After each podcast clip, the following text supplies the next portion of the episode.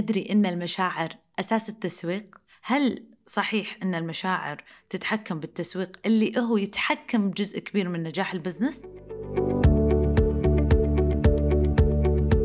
معاك عشا العنزي مختصة بالتسويق الإلكتروني لا تنسى تسوي subscribe وتقيم البودكاست هالشي وايد يعني لي ويشجعني أفيدكم أكثر وأكثر وإذا استفدت لا تنسى تفيد غيرك وتشارك الحلقة بالإنستغرام وتسوي لي mention لأن أسوي repost للكل وأقرأ كل ملاحظة وتعليق تكتبونه. يلا نبدأ حلقة اليوم.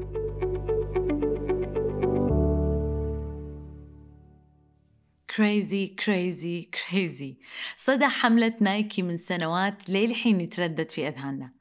طبعا أكيد آه، تتساءل بينك وبين نفسك إيش دخل المشاعر والعاطفة بعلم التسويق وإيش دخل العاطفة بالأرقام والحملات والمبيعات وال business هل صحيح أن المشاعر تتحكم بالتسويق اللي هو يتحكم بجزء كبير من نجاح البزنس؟ تعالوا مع بعض في هالحلقة نتعرف على التسويق العاطفي ونتعمق في المشاعر واستراتيجياتها المستخدمة للتأثير على المستهلكين.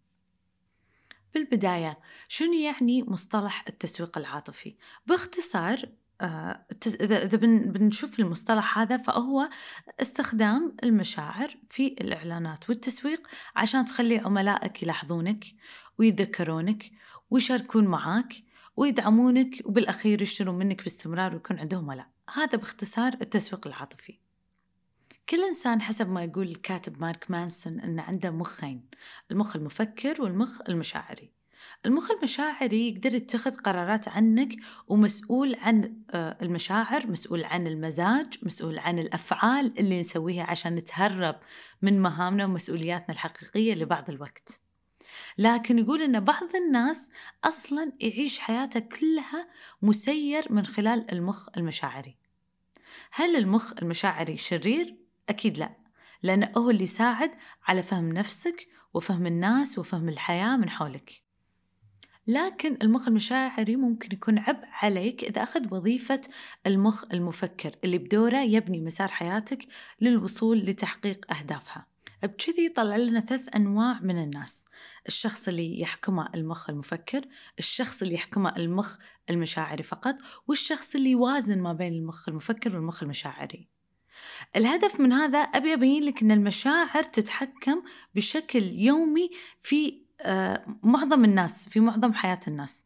فنسبة الناس اللي يستخدمون المشاعر في اتخاذ القرارات يوميا أكبر من نسبة الناس اللي فقط يستخدمون المخ المفكر. عشان كذي إدراج المشاعر في التسويق وخلق مصطلح التسويق العاطفي كان له نتائج مبهرة آه، سواء كان حق ال businesses أو حتى حق ال personal brand اللي هو على مستوى الأفراد. عالم المشاعر آه، شوية محير حق البعض لأن المشاعر متنوعة ومتعددة وما تنقاس نفس الأرقام. بس في دكتور اسمه روبرت بلوتشيك ظهر وسوى شيء اسمه آه، عجلة المشاعر. شبهها بعجلة الألوان ال colors wheel. أكيد كلكم تعرفون آه، عجلة الألوان اللي هو مثلا اللون البنفسجي بعدين أزرق بعدين أحمر. طبعا أنا ما حافظة الترتيب بس يبين لك درجات كل لون وشون أنت كل ما تتحرك درجة تدخل على اللون اللي بعده وتدخل على اللون اللي بعده بسبب آه، اندماج الألوان مع بعض فتعطينا لون جديد. نفس الشيء عجلة المشاعر. كل ما تتحرك درجة راح تعطينا نوع من المشاعر مختلف. حتى الحب نفسه مثلا إحنا عندنا بعجلة الألوان اللون الأزرق اللون الأزرق فيه درجات نفس الشيء.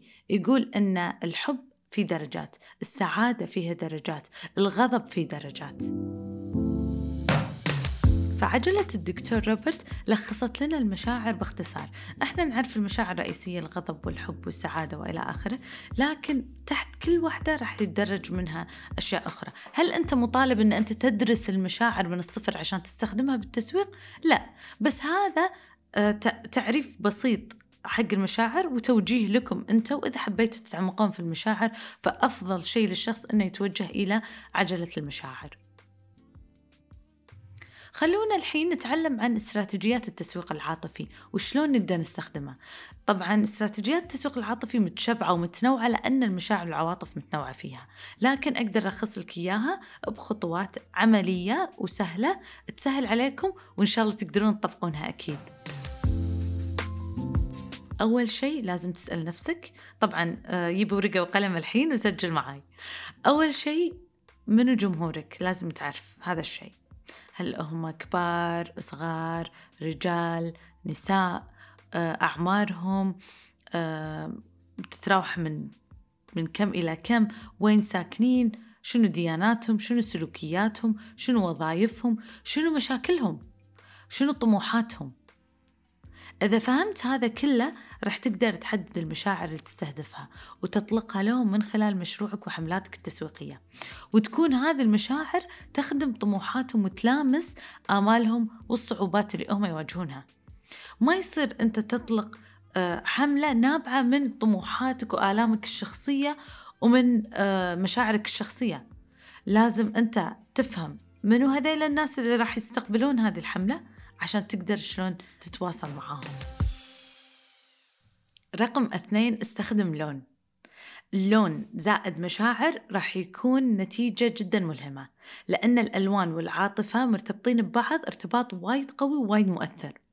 الألوان آه لها قدرة أنها تثير المشاعر والذكريات والأحلام والآلام. لو تسأل هذا السؤال حق نفسك شلون أنا أبي أوصف لون آه أحلامي. أو مثلا المعاناة شنو لونها؟ ذكرياتي آه، شنو ألوانها؟ هذه الأشياء كلها تساعدك شوي شوي أن أنت تفهم الارتباط بين الألوان وبين العاطفة. وين ما تروح شوف مشاعرك في المكان اللي تتواجد فيه بناء على الألوان، مثلا في المستشفيات يستخدمون بعض الألوان عشان يهدئون المرضى، المكاتب تستخدم بعض الألوان عشان تزيد إنتاجية الموظفين، البيت وألوان الأثاث لها دور كبير في التأثير على راحتك ومزاجك طول الوقت، مصممين الملابس في عرض الأزياء شلون يستخدمون ألوان مثيرة تخدم تصاميمهم وتلفت انتباه الناس اللي يشوفون هذا العرض. كله له تأثير. أكيد أنت بعد شخصيا لما تروح وتشوف ألوان ستاربكس مو نفس ألوان وشعور آه، ماكدونالدز مثلا. هني المشاعر تختلف وكل مكان يخد ألوانه تخدمه بطريقة معينة. الحين خلنا ناخذ لمحة سريعة عن معاني الألوان اللي تقدر تستخدمها في التسويق. ما راح تقدر تستخدم لون وانت مو فاهم آه، شنو القصد منه أو شنو يرمز. حلو إذا أنت مالك خلق تتعرف على معاني هذه الألوان تستعين ب graphic designer بس لازم يكون شاطر وهم فاهم معاني الألوان هذه. عشان لما تختارها تختارها صح. أحيانا ما نختار هذه الألوان فقط لحملاتنا التسويقية إحنا أحيانا نختارها عشان نبني ال business مالنا. فمثلا إذا بنينا ال branding مال ال business راح يكون صعب نسوي rebranding بعد فترة وايد قصيرة. فالأفضل أنت تختار ألوانك من البداية. الأحمر. اللون الأحمر آه قالوا إنه هو لون النار والدم ويرتبط بالطاقة والحرب والخطر والقوة والتصميم والعزم لكن بنفس الوقت هو لون الشغف والحب والرغبة. اللون البرتقالي مزيج ما بين طاقة الأحمر وسعادة الأصفر فيرتبط بالسعادة والشروق والبدايات الجميلة. أنا شخصيا لما سويت rebranding حق هويتي التجارية لو تدشون حساب الإنستغرام تشوفون سويت rebranding من بداية السنة اعتمدت الصراحة على اللون البرتقالي لأنه هو لون البدايات الجديدة وفي سعادة الأصفر وطاقة الأحمر. الأصفر لون الشروق يرتبط بالمتعة والسعادة يرتبط بالذكاء بالطاقة. الأخضر لون الطبيعة يرمز للنمو والتناغم والخصوبة والوفرة. غالبا الأخضر آه، يستخدمونه الناس اللي آه، مشاريعهم ترتبط بالبيئة بالطبيعة. أيضا يستخدمونه اللجان الخيرية. الأزرق لون السماء والبحر ويرتبط بالعمق والثبات ويرمز للثقة والولاء والحكمة. يستخدمون الشركات لكن بدأت شركات ال business شوية تتوسع بالألوان يصير فيها creativity وإبداع أكثر. البنفسجي يدمج بين ثبات الأزرق وطاقة الأحمر. البنفسجي وايد حلو يرتبط بالفخامة بالقوة بالنبل بالطموح بالرقي. أنا وايد أفضل البنفسجي الصراحة أما الأبيض فيرتبط بالنور والنقاء والجودة ويرمز الأمان والخير. الأسود يرمز للقوة والرسمية والغموض وأحيانا الشر بس كلش ما له شغل. تقدر تختار اللون الأسود وأنت مرتاح عادي. هذه لمحة سريعة عن بعض معاني الألوان اللي تتكرر. طبعا أنت تقدر تختار أكثر من لون وتقدر تحدد معاها المشاعر اللي أنت تبيها. رقم ثلاثة بعد ما عرفنا جمهورنا وبعد ما استخدمنا آه لون يخدم المشاعر اللي اخترناها رقم ثلاثة ابدأ القصة. القصة دائما لها طريقة مثبتة لربط عملائك بأي level من المشاعر كان سواء يعني حزن، سعادة، حماس، تمرد. للحين خبراء التسويق يتكلمون عن إعلان أبل الثوري والمحفز لإطلاق ماكنتوش للتغلب على الشركات العملاقة المسيطرة على السوق التكنولوجي في هذاك الوقت.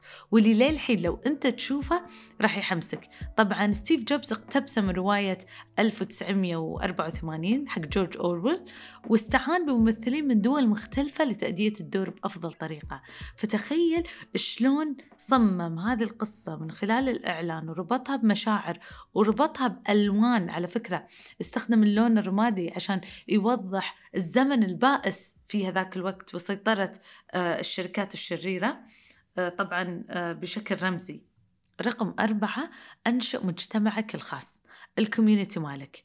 إثارة عواطف الناس من خلال ألوان وربطها بقصة راح يجمعهم حول علامتك التجارية ويخليهم يتخذون خطوة تفاعلية مع brand ك. يتحركون يدافعون عنك يتفاعلون معاك. هذا التأثير يخلق ولاء من جمهورك. عشان كذي وايد ناس يتساءلون ليش لازم أسوي branding ليش أسوي تصوير حلو؟ ليش أسوي فيديو آه، مؤثر مع قصة بألوان مناسبة تخدمني؟ كل هذا الهدف عشان يكون عندك جمهور عنده ولاء حق براندك. رقم خمسة أخلق الأبطال. تحتاج من خلال منتجك أو خدمتك توصل عملائك لتحقيق أحلامهم وتلبية طموحاتهم من خلال خلق مشاعر ملهمة. تخليهم يشعرون أنهم قادرين على أن يحققون أحلامهم معك أنت. حتى لو كان آه لو حتى لو كانت هذه الأحلام مجازية أو خيالية أو مستحيلة لكن تركز آه، حيل على العقل اللاواعي. مثل مثل ريد بول ريد بول شنو شعارهم يعطيك جوانح. هل صدق إذا أنا شربته يعطيني جوانح؟ لا لكن ارتبط بمشاعر الأمل والفرح والحماس. وصرنا بشكل لا واعي نحس إنه هو صدق يعطينا جوانح. رقم ستة الخطوة الأخيرة أعرض صورة مثالية لما تبي تسوق. لما تعرض هذه الصورة المثالية أنت بدون وعي تخلق داخل العميل رضا عن هذا المنتج أو عن هذا الخدمة حتى لو ما جربها. تخيل. وهذه أحد طرق التسويق العاطفي لإقناع الجمهور المستهدف بمنتجاتك أو خدماتك. فأعرض شنو النتيجة اللي راح يشوفها العميل بعد حصوله وتجربته لهذا المنتج أو الخدمة بعدة طرق سواء كان بفيديو بصوت بصورة ب text أيا كانت الوسيلة السؤال الحين متى أستخدم التسويق العاطفي؟ التسويق العاطفي يستخدم بعدة طرق واحدة من الطرق اللي نستخدم فيها التسويق العاطفي هي عند تأسيس ال brand وهذه وايد مهمة. لما أسس ال brand ما أختار ألوان عشوائية ولا اسم عشوائي ولا أمور لأن هذا هو الأساس. فلازم من البداية أحدد التسويق العاطفي لما أسوي ال branding آه، سواء كان تصميم كهوية بصرية حق ال branding مع مصمم جرافيك أو كتأسيس ال brand نفسه من ناحية تسويقية. أيضا بعد في طرق وهذه وايد ممتعة آه، لما أصمم الحملات التسويقية حق مشروعي أو حق brand ي الشخصي. فلما أبي أصمم الحملة هذه أو أبي أسوي ريبراندنج هني أستخدم هذه الخطوات من رقم واحد إلى رقم ستة مثل ما عرضتها لكم. فكل حملة أقدر أستخدم ألوان مختلفة مشاعر مختلفة وأشوف شنو أكثر حملة آه، جمهوري يتفاعل معاها. السؤال الأصعب الحين شلون نقيس التسويق العاطفي؟ التفاعل العاطفي صعب لأن كل شخص تختلف استجابته وما راح تقدر تدرس كل حالة من بين الملايين من جمهورك اللي يشوفون إعلاناتك. لكن تقدر تقيس حملاتك في التسويق العاطفي حالها حال أي حملة تسويقية. من خلال أفعال الناس راح تتنبأ بمشاعرهم وهذا الجزء الحلو. بعطيك الحين مثال. الحزن يشجع على العطاء. غالبا يستخدم آه، مشاعر الحزن حق مثلا الإعلانات اللي تخص تدمير البيئة تدمير الثروة مثلا السمكية. هذا الشيء يسبب حزن وبالتالي يخلي الناس من قلبها تتفاعل. نفس الشيء السعادة والضحك يشجع على المشاركة. الخوف يشجع على الولاء ويستخدمونه في الحملات السياسية. هذه كانت أمثلة بسيطة قد أنت تستخدمها أو ما تستخدمها فقط لتوضيح المشاعر في التسويق العاطفي. وأتمنى أن أنا سهلت عليك مفهوم التسويق العاطفي. الحين عرفت سر التسويق العاطفي فحاول تدمجه في حملاتك وخله يكون سلاحك السري للتأثير على جمهورك للتفاعل معهم. كانت هذه حلقة اليوم. وطبعا مليئة بالعواطف والألوان. أتمنى أنك استفدت. ابذل عاطفة أكثر عشان تقدر تشوف نتائج أفضل. لا تنسى تسوي سبسكرايب وتقيم الحلقة وتشاركها بالإنستغرام. أسوي ريبوست على كل منشن وأقرأ كل تعليق.